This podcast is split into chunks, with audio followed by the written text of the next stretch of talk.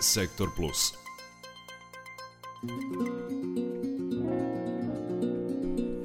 Zavisnost od alkohola, to je tema rubrike Sektor Plus e, i toj zavisnosti jednako su podložni i muškarci i žene, ali se do pre nekoliko godina na lečenju u proseku javljalo osam puta više muškaraca nego žena. Međutim, najnovije istraživanja i iskustvo stručnjaka koji rade sa zavisnicima pokazuju da je sve više žena sa tim problemom. O tome Milijana Kočić.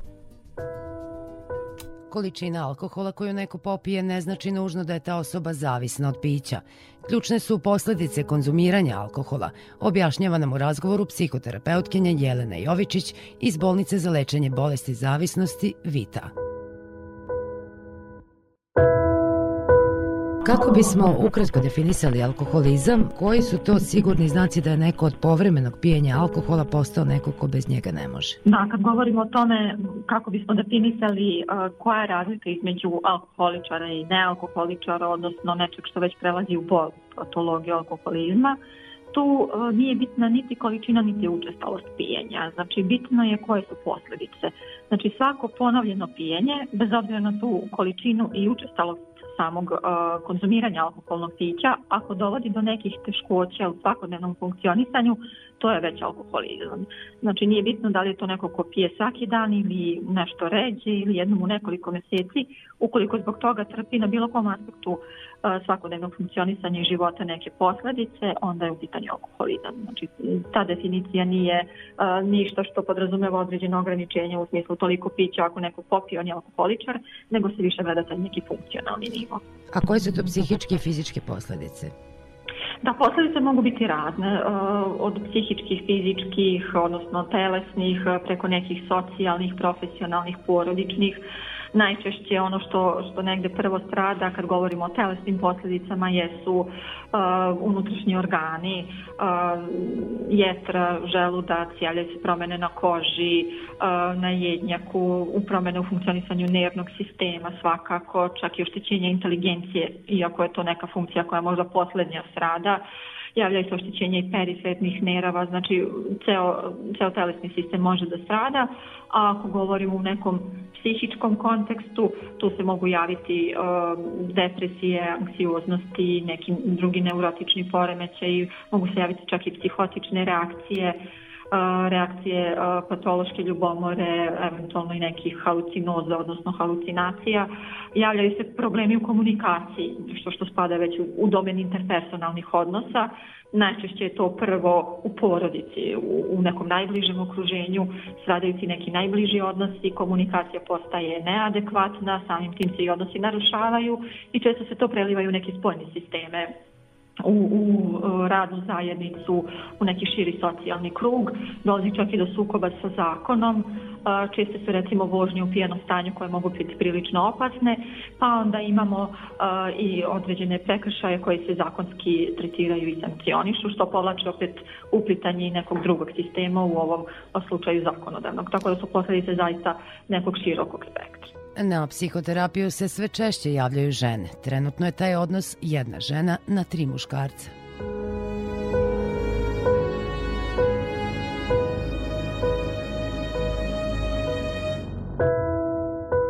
Moj problem je delovao jako, jako teško mi je padao. E, nisam došla sam svojevoljno, naravno, pod pritiskom porodice. Moj život se svodio jednostavno na, na praznu knjigu, kao što sam uvek je govorila nije bilo nikakvih zadovoljstava, jednostavno se svodilo samo na to alkohol, postaje samo alkohol. Nisam svojno, svojevoljno došla, došla sam pod pritiskom porodice, zato što sam se bojala šta me čeka. Nisam znala šta je lečenje uopšte. Nisam znala šta je alkoholizam, da je to zaista bolest sve do edukacije. Ali sam došla do samog dna i moralo se nešto promeniti. Ne, ne znam da bi bilo danas. Jednostavno sam imala strah od svega, od ljudi, od društva, od, od eh, života jednostavno, normalnog života. Nisam eh, imala volju da se uključim ni u kakve socijalne događaje za, bilo kako društvo. Jednostavno sam bila samo, samo ja i alkohol. Thank you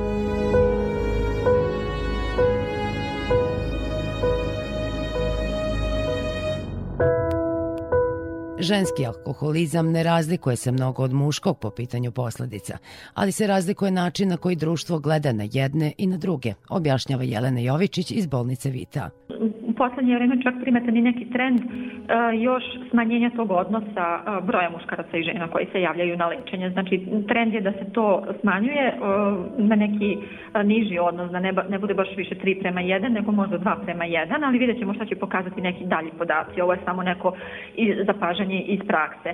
Glavna ta neka razlika je ajde, i sa fizičkog aspekta, odnosno same biologije, da je žensko telo u nekim segmentima drugačije, da žene drugačije drugačije metabolišu alkohol, da imaju manje enzima prirodno koji razgrađuju da alkohol, da samim tim brže strada žensko telo. Ako govorimo o nekim telesnim posledicama, to nam je neka razlika i razlika je jako bitna u tome kako društvo generalno doživljava žensko pijenje i ženski alkoholizam. Lakše se prihvata alkoholizam muškarca, društvo, ajde da kažemo uslovno rečeno, više dozvoljava um, i toleriše muško pijenje nego žensko, a opet um, razvoj samog društva tehničko-tehnološki razvoj i razvoj generalno neke socijalne zajednice zahteva žene da ona bude u višestrukim ulogama.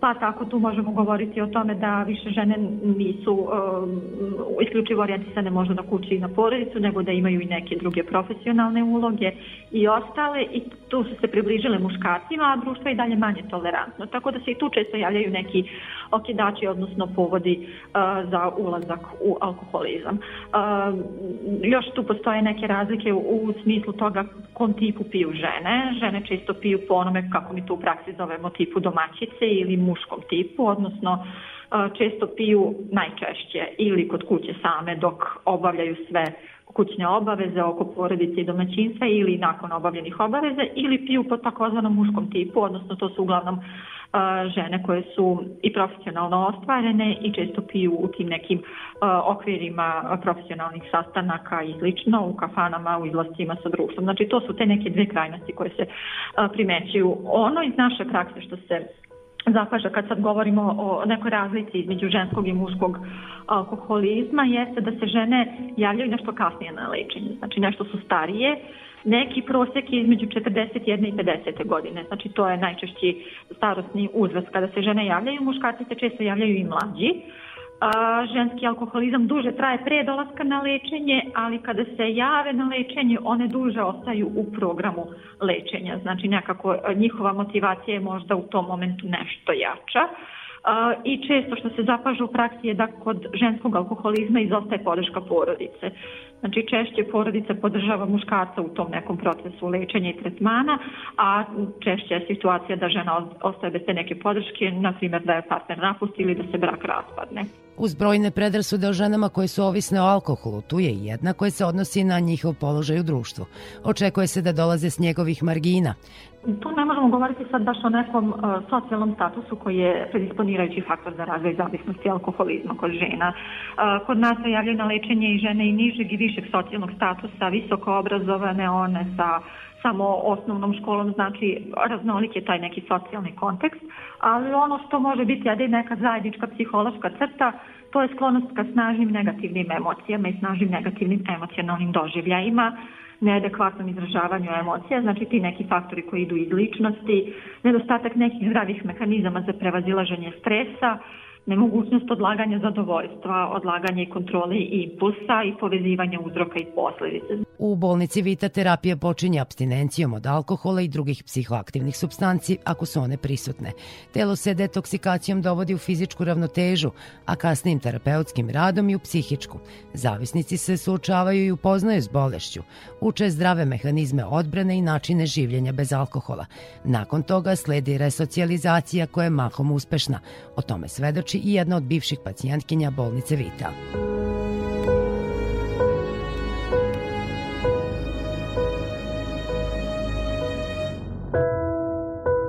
Sada se sve promenilo, sad sam u društvu stalno, želim stalno da budem sa ljudima, e, da biram ja društvo koje mi odgovara i da, da mi jednostavno alkohol više ne povuče za sobom, da više ne razmišljam o tome.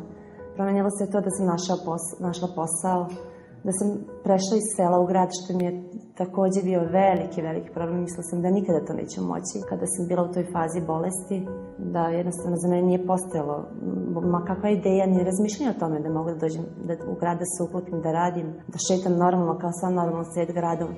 Sad, sada je to sasvim normalno, šetam gradom kao svi ljudi, nemam etiketu, alkoholičar, nisam obeležena, potpuno opuštena i mirno со задовольством, што mi je najbitnije.